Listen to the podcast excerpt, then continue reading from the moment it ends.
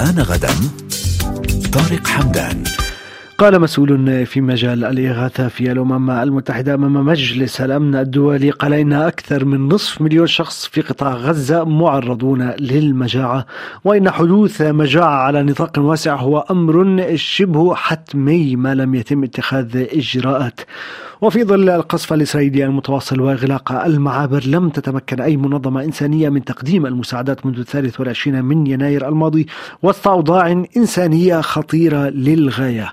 للتعليق حول هذا الموضوع ينضم إلينا الأستاذ أنور حمام وكيل شؤون اللاجئين في منظمة التحرير الفلسطينية. نرحب بك أستاذ أنور. أهلا بك وبكل المستمعين والمستمعات. أستاذ أنور على الرغم من إصدار محكمة العدل الدولية قرارا باتخاذ تدابير لمنع وقوع الإبادة الجماعية بحق الفلسطينيين إلا أن الأوضاع الإنسانية في تدهور مستمر، هل ممكن أن تقربنا أكثر من صورة الأوضاع الإنسانية الآن في غزة؟ نعم آه، تعليق سريع على المقدمة التي قلتها حول المجاعة. نعم. باعتقادي الأكيد أن ما يحدث في قطاع غزة ليس فقط مجاعة هناك تجويع آه، بقرار إسرائيلي للشعب الفلسطيني في قطاع غزة وهذا آه، موجود عملية التجويع مرصودة بالصوت والصورة عبر ما يدخل إلى قطاع غزة من مساعدات وعبر التضييقات ومنع آه، وكالة الأونروا من أداء مهامها وأيضا كل المؤسسات الأممية العاملة على أرض غزة تتعرض إلى تضييقات وتشديد الخناق على ما يدخل، كان يدخل إلى قطاع غزة إيه، قبل الحرب تقريبا 600 شاحنة محملة بالبضائع على مختلف أنواعها. إيه، يعني كان من المفترض أن يدخل خلال فترة الحرب إيه، تقريبا 87 ألف شاحنة. لغاية الآن لم يدخل أكثر من 12 ألف شاحنة. هذا يدل أن ما دخل إلى قطاع غزة لا يفي باحتياجات 8% من من احتياجات أهلنا في قطاع غزة فبالتالي هناك تجويع حقيقي، لماذا هذا التجويع؟ لأن هناك مشروع إسرائيلي بالتهجير، لا لا مبرر على الإطلاق لكل ما يحدث إلا لمسألتين. المسألة الأولى هي أن هناك برنامج لتهجير شعبنا فبالتالي جعل الحياة داخل قطاع غزة مستحيلة ويمكن جعلها عبر القتل والتدمير والتجويع.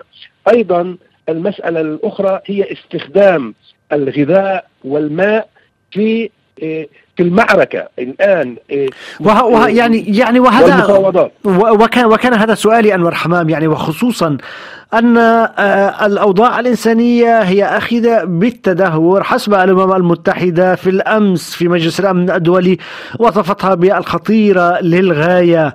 يعني آه، آه، وخصوصا أنه أيضا كان هناك قرار من محكمة العدل الدولية باتخاذ تدابير لمنع وقوع الإبادة الجماعية بحق الفلسطينيين.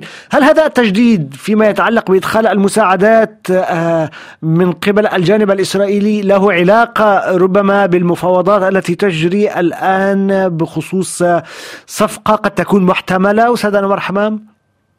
بكل تأكيد ما يحدث هو استخدام لأداة الغذاء والماء عبر تجميع الناس من أجل الضغط آه، لإنجاز مكتسبات عبر للمفاوضات في موضوع وقف إطلاق النار أو الهدنة أو مسألة تبادل تبادل الاسرى، فبالتالي هذا يمثل جزء من جريمة الحرب التي ترتكبها إسرائيل اضافه لسلسلة الجرائم التي ارتكبتها على مدار آه، أكثر من أربع شهور آه، في في قطاع غزة، فبالتالي اليوم نحن أمام كارثة إنسانية بكل آه، معنى الكلمة. من هناك اقتصاد تم تدميره تماما، هناك مراكز صحية أخرجت عن الخدمة، لم يبقى إلا العدد القليل، هناك عمليات تحدث في قطاع غزة بدون تخدير، هناك آه، آه، العديد من من الأطفال الفلسطينيين الذين يولدون بلا أي تطعيمات وبلا أي غذاء وبلا اي وبلا أي أماكن للنزوح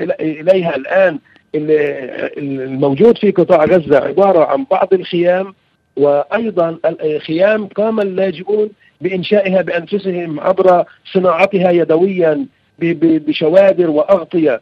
فبالتالي الأوضاع غاية السوء هناك تفشي لأمراض لم تكن ابدا في في قطاع غزة، قطاع غزة طوال فترة حياته لم يعاني من من أمرين، الأمر الأول نقص الغذاء، كل ما حدث في قطاع غزة إلا أن قطاع غزة حياته لم لم يعاني من نقص الغذاء. وأيضا في الرعاية الصحية الأولية كانت قطاع غزة بفضل الأونروا من أفضل دول العالم في الرعاية الأولية للأطفال في موضوع رعاية الطفولة والأمومة وأيضا التطعيمات الآن نعم. هناك طيب. كارثة صحية بكل معنى الكلمة في أنور حمام يعني وزارة الصحة في غزة أعلنت أمس الثلاثاء وفاة رضيعين في مستشفى كمال عدوان شمالية القطاع جراء سوء التغذية يعني بدأنا نسمع عن حالات وفاة بسبب آه، عدم توفر الغذاء ما الذي يمكن فعله لوقف هذه الكارثة الإنسانية؟ ما المطلوب؟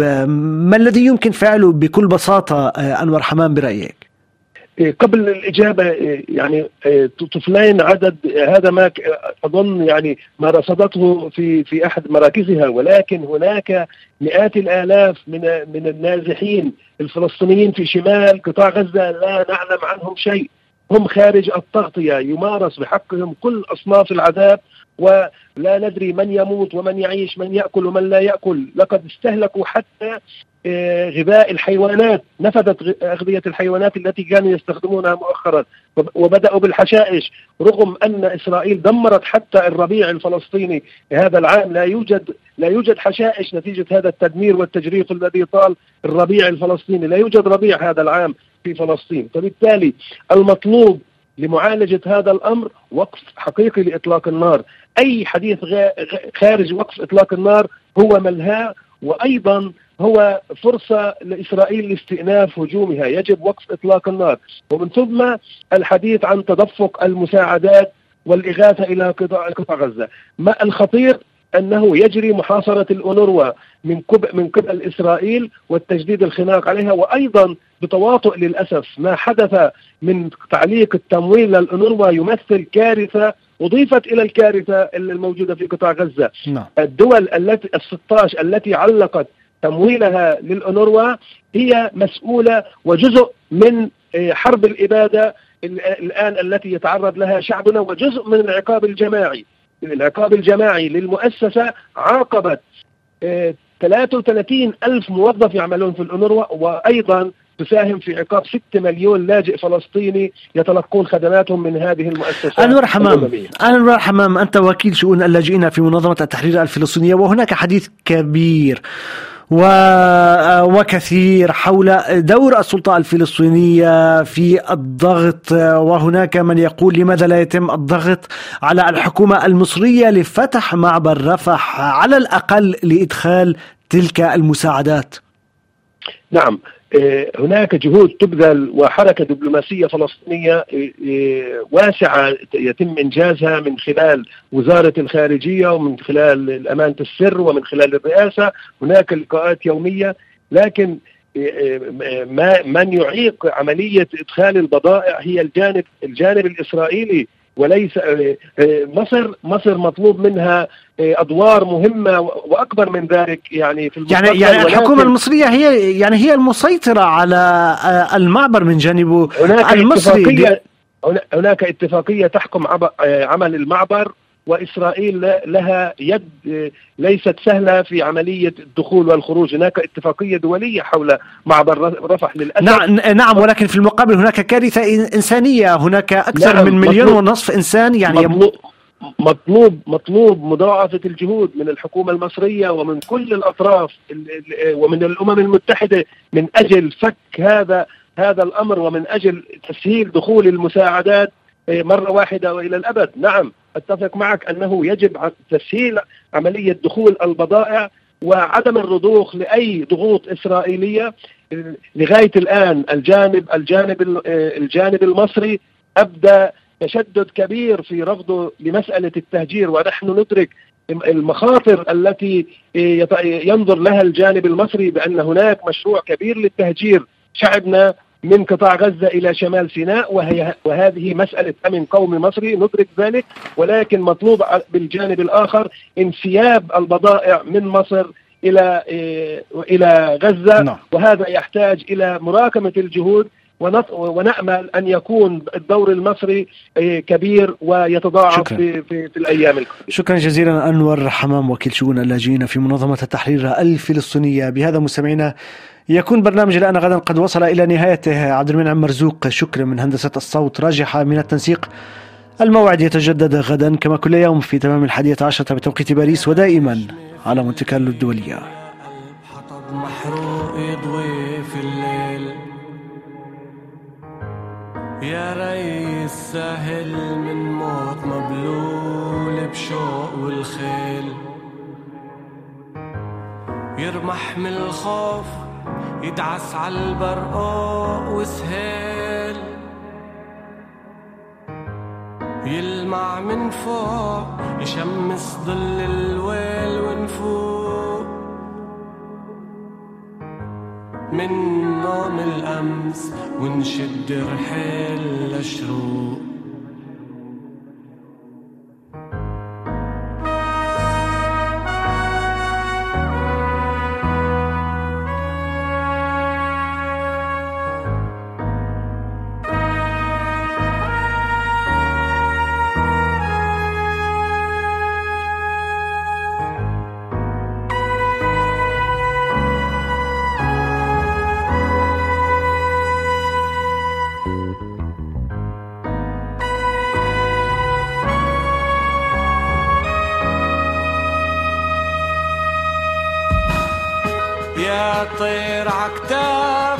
انكسرت في بطن الحوت يا نار.